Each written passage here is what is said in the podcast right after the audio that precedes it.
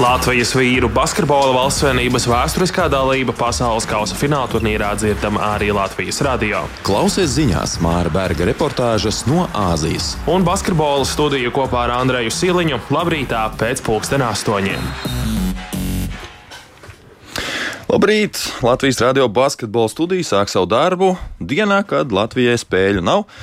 Tāpēc šoreiz vairāk pievērsīsimies tam, kas notiek ap pasaules kausa Džakartā, kā arī aicināsim ekspertus novērtēt līdz šim Latvijas valstsvienības iespēto.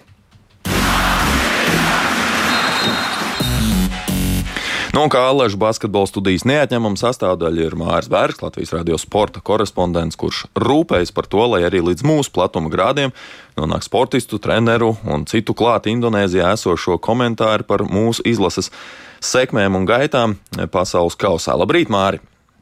Labrīt, Andrej, labrīt arī klausītāji. Pēc grupu turnīra, kurā mēs izcīnījām divas uzvaras, trīs spēlēs un otro vietu, pirmo reizi turnīra gaitā mums ir divas brīvdienas, jo iepriekš starp spēlēm bija tikai viena. Ar ko brīvajā dienā nodarbojās Latvijas izlases gan spēlētāji, gan treneri, varbūt citi personāla pārstāvi?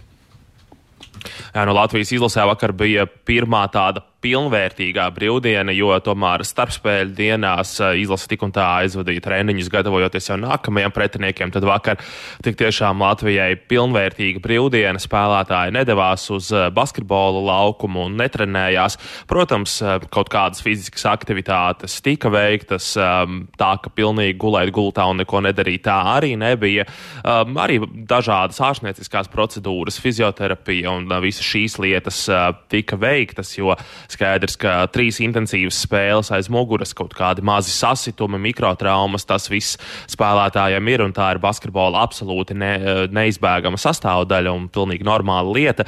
Tāpēc eh, tāda apkopes diena, iespēja atpūsties, un uh, mūsējie to arī pilnvērtīgi izmantoja, un kā izteicās arī izlases pārstāvji, tad iespēja vienkārši atpūsties citam no cita. Jā, nu vēl viena iespēja atpūsties ar Latvijas līdzstājiem, jo šodien tātad spēles arī nav, bet nu, es pieļauju, ka komanda jau sāk gatavošanos nākamajai spēlē. Kāds ir tas Latvijas valsts vienības darba plāns šodien? Jā, nu, esmu redzējis uh, sociālās saziņas vietnēs dažādus ierakstus, ka ir atsevišķi līdzjutēji, kas jau ir devušies mājās uz Latviju. Ir līdzjutēji, kas ir devušies tālāk prom no Džakartas, eh, devušies uz Balijas salu, slavenu atpūtas vietu. Bet uh, runājot par Latvijas izlases šodienas plānu, tad uh, šodien pēcpusdienā jau ir treniņš, tātad izlase atgriežas atkal basketbola laukumā un jau pilnvērtīgi gatavojas spēlē pret Spāniju. Treneriem vakar absolūti nebija brīvdiena. Vakar satiku arī arī divus no treneru palīgiem, Jānis Gailīte un Artūru Visauski Rubeni. Viņi, protams, intensīvi pēta pretiniekus. Vakar arī Spānijas izlasē spēle bija. Protams, gan Spāņi, gan arī Brazīlijas valsts vienība Latvijas pretinieki svētdien. Abas šīs komandas tiek intensīvi skautotas, pētītas, un uh, treneri noteikti ir sagatavojuši pietiekami plašu video materiālu, kas tad tiks atrādīts spēlētājiem gan šodien, gan arī rīt jau gatavojoties spēlē, vēl kaut kādas mazas sīkas nianses tiks atgādinātas. Nu, vēl viens cilvēks, ko tev izdevās satikt un ar kuru aprunāties, ir Latvijas izlases menedžers Emīls Toms. Ko runājāt, ko viņš tev pastāstīja, par, varbūt vairāk par organizāciju, par apstākļiem? Spēlētāji un Latvijas izlase kopumā ir apmierināti ar to, kāda ir šī dzīve Džakartā. Ja iepriekš teiksim, pārbaudas turnīrā Taivānā varēja sūdzēties, ka ēdiens ir mazliet specifisks, vairāk vietējai virtuvē raksturīgs, tad šeit tāda problēma nav. Izlase kopumā ir apmierināta ar visiem apstākļiem. Arī viesnīcā ir viss nepieciešamais ar medicīniskās telpas, dažādi palīgrīki, kas spēlētājiem palīdz atjaunoties pēc lielām slodzēm. Līdz ar to, kā Emīls Toms teica, nav gluži ideāli, bet ir ļoti, ļoti labi. Nu, un, uh, Tas, kas trūks līdz ideālam, tā jau ir tāda matu skaldīšana. Nu, kā mēs zinām, nekas jau beig beigās nav perfekts. Bet nu, uz perfektu ir jātiec. Tā kā viss kārtībā. Tieši tā. Tieši tā. Paldies, Mārija. Tagad arī paklausīsimies, ko, ko Emīls uh, stāstīja. Spēlētāji dzīvo visi pa vienam. Nu, tas jau ir iegājies jau kopš Covid. Un kā Covid sākās dzīvošana pa vienam, tā arī pie visu labā ātri pierod. Tad spēlētāji šobrīd ļoti ļoti pieraduši pie tā, un mēs mēģinām nodrošināt to. Šis gan uh, bija tāds, tā, tā bija iespēja nodrošināt, ka varējām pa vienam, protams, ja nebūtu iespējas, tad, tad nebūtu ar problēmu spēlētājiem pa diviem padzīvot. Spēlētāji pēc spēles pie tiem faniem, kas pie vārtiem vienmēr aiziet, iedod piecas, parakstās kādam, kam vēl nav autogrāfs un, un pasaka paldies, jo tiešām tas atbalsts ir fenomenāls. Mēs reiķinājāmies, ka būs cilvēki, ka būs cilvēki, kas gribēs atbraukt, bet nu, šobrīd nu, sajūta ir, ka ļoti daudz cilvēku. 2-3 tūkstoši tas ir man liekas nenormāli. Un uh, tie fani arī padara saka, tos mūsu spēles jautrākas, un visi, kas ir neitrālie fani, tie, tie arī uzreiz fano pa Latviju. Tāpēc, ka mūsu fani vienkārši viņus velk uz priekšu. Ne tikai, ne tikai komanda. Kā, bet pagaidām diezgan mierīgi. Nav bijis nekāda. Mums vienmēr esam piegājuši pie viņiem, parunājušies. Mēs ļoti novērtējam to, ka viņi ir atbraukuši. Tā Emīls Toms, Latvijas izlases menedžeris. Bet nu laiks uzklausīt arī kādu ekspertu viedokli par to, kā Latvijai ir gājis līdz šim. Kārlis Mūžnieks savulaik bija Latvijas izlases galvenais treneris, esot četru gadu garumā, un viņš bija izlases treneris arī divos Eiropas čempionāta fināla turnīros, gan 2005. gan 2007. gadā.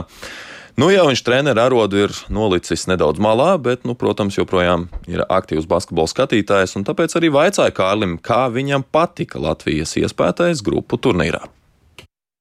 Nu, man patika tas stils, kā viņi spēlē, patika, kā viņi ir koncentrējušies spēlēm, patika pašadeve, patika plāns, kāds bija uz spēli sagatavots. Es domāju, treneru kolektīvs, kādu bija sagatavojuši, un, un, un lielākoties tas strādāja. Ja?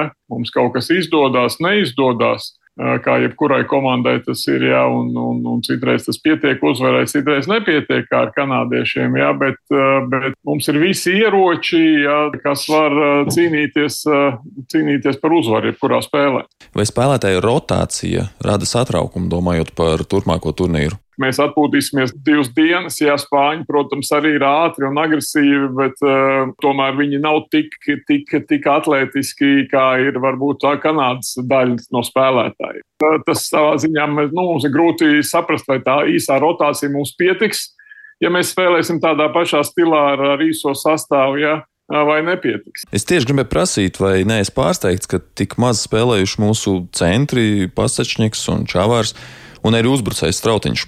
Nē, tāpēc, ka uh, Kanāda, Kanāda jau praktiski spēlē pati ar mazo sastāvu. Jā. Nu, viņa, tas ir viņas spēles stils. Jā. Līdz ar to noteikti, ka uh, treneriem ir ļoti grūti ielikt pretīm nu, mūsu tos garos spēlētājs, kas tomēr nav tik veikli sevišķi aizsardzībā. Protams, arī uzbrukumā, īpaši pret Franciju, mēs negūstam nekādu pārākumu, ja, kad tur, piemēram, uh, Pasičņiks vai Čavars iet lejās zem grozu, un viņam pretīm tur ir franču garie spēlētāji, kas ir vēl garāki par viņiem un vēl, vēl kā teikt, stiprāk un veiklāk. Mēs spēlējam vairāk tādu, kā teikt, pretēji viņiem. Viņi uzliek garos, mēs uzliekam pretīm mazos, no lai viņam ir jādomā, ko tā darīt. Jā.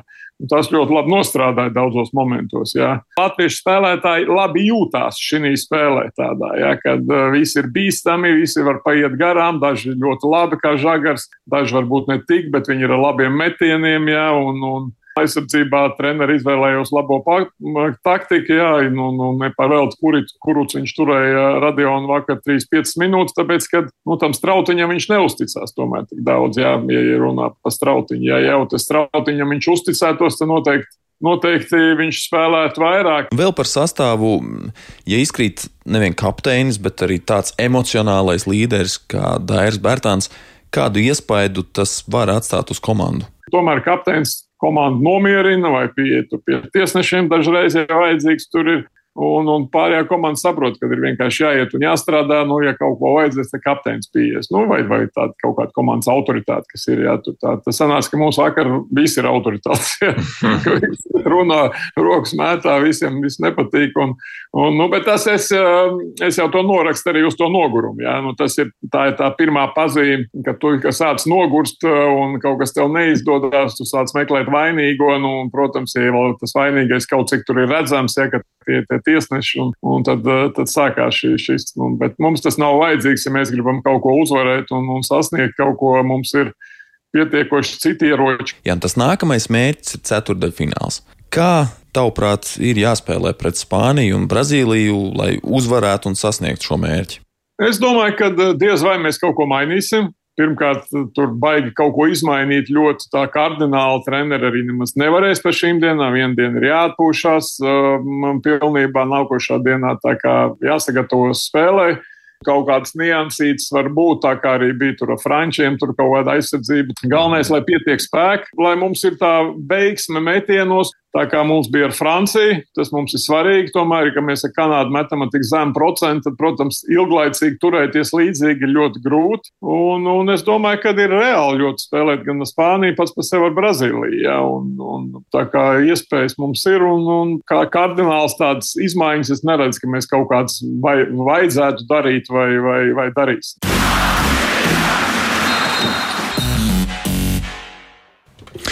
Nu, redzam, Kārlim, dzirdējām Kārlim Mužniekam. Uh, kopumā patīk Latvijas izlases sniegums. Domāju, ka arī lielākajai daļai līdzutēji tas patīk.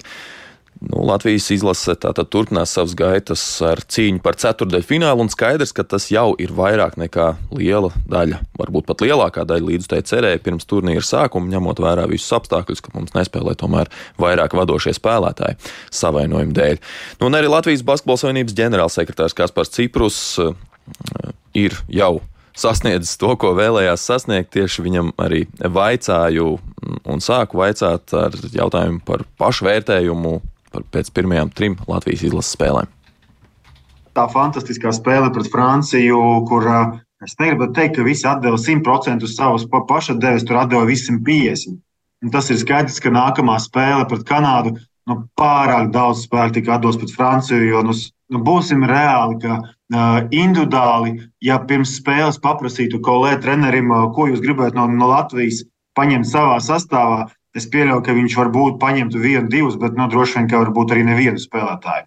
Nu, līdz ar to tā atdeve laukumā tas, kas m, tā treneru um, plāns uh, un, protams, arī veiksme. Nu, es uzskatu, tas ir vienkārši kaut kāda fantastika, ka mēs spējām izsist Franciju no tālākās cīņas par medaļām. Nu, es domāju, ka tagad svarīgākā spēle noteikti būs pret Spāniju. Tā, ja mēs runājam par grupas turnīru, Viņš nebija simtprocentīgi veiksmīgs, viņš bija nu, teiksim, tā, uz 88% veiksmīgs. Nu, ļoti precīzs mērījums. Ar kādu rezultātu tu būsi apmierināts turpinājumā? Ar tām manām cerībām, kas bija pirms čempionāta, viņas jau ir iznojušās. Jo man galvenais bija nu, jātiek uz olimpisko kvalifikāciju. Tad jau atkal jāstāsta, kurš būs veselāks, kāda būs rotācija, kuras spēlētāji būs pieejami. Tad atkal, atkal būs jaunais stāsts, ar ko mēs varam cīnīties. Nu, protams, ka apetīte augā ēdot minimāli, gribētos pacīnīties nu, un uzvarēt Brazīliju. Nu, ja mēs vinnēsim Spāniju, tad būs nevis 88%, bet no 140%. Vakar pēc spēles treneris Banki preses konferencē izteica nu, tādu publisku kritiku tiesnešu virzienā. Vai tavuprāt, tās bija emocijas, vai tomēr tur ir reāls pamats tam? Es pilnībā atbalstu mūsu treneru teikto un parakstos zem katra vārda. Viņš jau neteica, ka kritizēja, ka spēlē tiesā labi vai slikti. Viņš jau vairāk izteicās, ka nav jau to, to, to kopējo vadlīniju, jo katrs kontinents ir um, uh. Un tas ir skaidrs, ka ir grūti, ja no, no Amerikas, ne tikai no Ziemeļa, bet no Ziemeļ-Dienvidu-Amerikas, un tu spēlē pret Ziemeļamerikas komandu, un, uh, un tu esi no Eiropas tad tie tiesneši ir vairāk pielāgoti tam stilam, un arī spēlētājs zina, kā to spēlēt tiesnešus izkost. Ja, piemēram, būtu trīs Eiropas tiesneši, un es domāju, tā spēle arī būtu savādāka. Uzreiz treneris banķī zinātu, kā labāk komunicēt. Varbūt kāds no spēlētājiem spēlēs pie tāda vai šāda tiesneša, un viņš jau zina, kā varbūt tur var paprovocēt. Mēs skaidrs zinām, ka divreiz driblēt nevar, ka nevar to, nevar to, bet ir mazie knifiņi, kur katrā kontinentā atšķirās. Ja nu noslēgumā vēlos pajautāt par Latvijas līdzutējiem. Viņus uzteicis ir bezmaz vai katrs citu valstu pārstāvis, pret ko esam spēlējuši. Ziniet, kā es varu pateikt vienu piemēru, kad es pirmo spēli piekdienu pret Libānu skatījos Esplanādē. Un tu dzirdi Latviju, jā, un tu skaties apkārt, nu pagaidi, te jau nav tik daudz cilvēku Esplanādē, lai tā bļautu. Un tu saproti, ka tā visa atmosfēra nāk no televīzijas ekrāna. Tas ir tik nenormāli forši, ka skaidrs, ka nu, Tur nebūs pilna arēna ar Latvijas skatītājiem, bet uh, visi, kam bija iespēja, visi, kas varēja, aizbrauca, to atmosfēru pirmkārt redz bildēs. Tas viss ir forši, bet, kad tu skaties televizoru pāri komentatoru, varbūt runām, tu dzirdi to fantastisko atbalstu. Un tu to mazliet arī, man pat arī šobrīd bija šis skudriņš skrien, to iedomājieties, kā būtu, kad, kad pats vēl spēlē. Esmu pārliecināts, ja viņš būtu Eiropā vai tuvāk Eiropai. Nu, tur aizbraukt nevis 2,5, 3 tūkstoši, bet tur aizbraukt nu, tik daudz cilvēku, ka viņi noteikti neietilptu uh, lielākajās Eiropas arēnās. Nu, lūk, uz šādas pozitīvas nots arī noslēdzam šī rīta basketbola studiju. Mans vārds ir Andrēs Siliņš, un tiekamies atkal jau rītdien. Tad vairāk pievērsīsimies rītgaidāmajai spēlē pret Spāniju.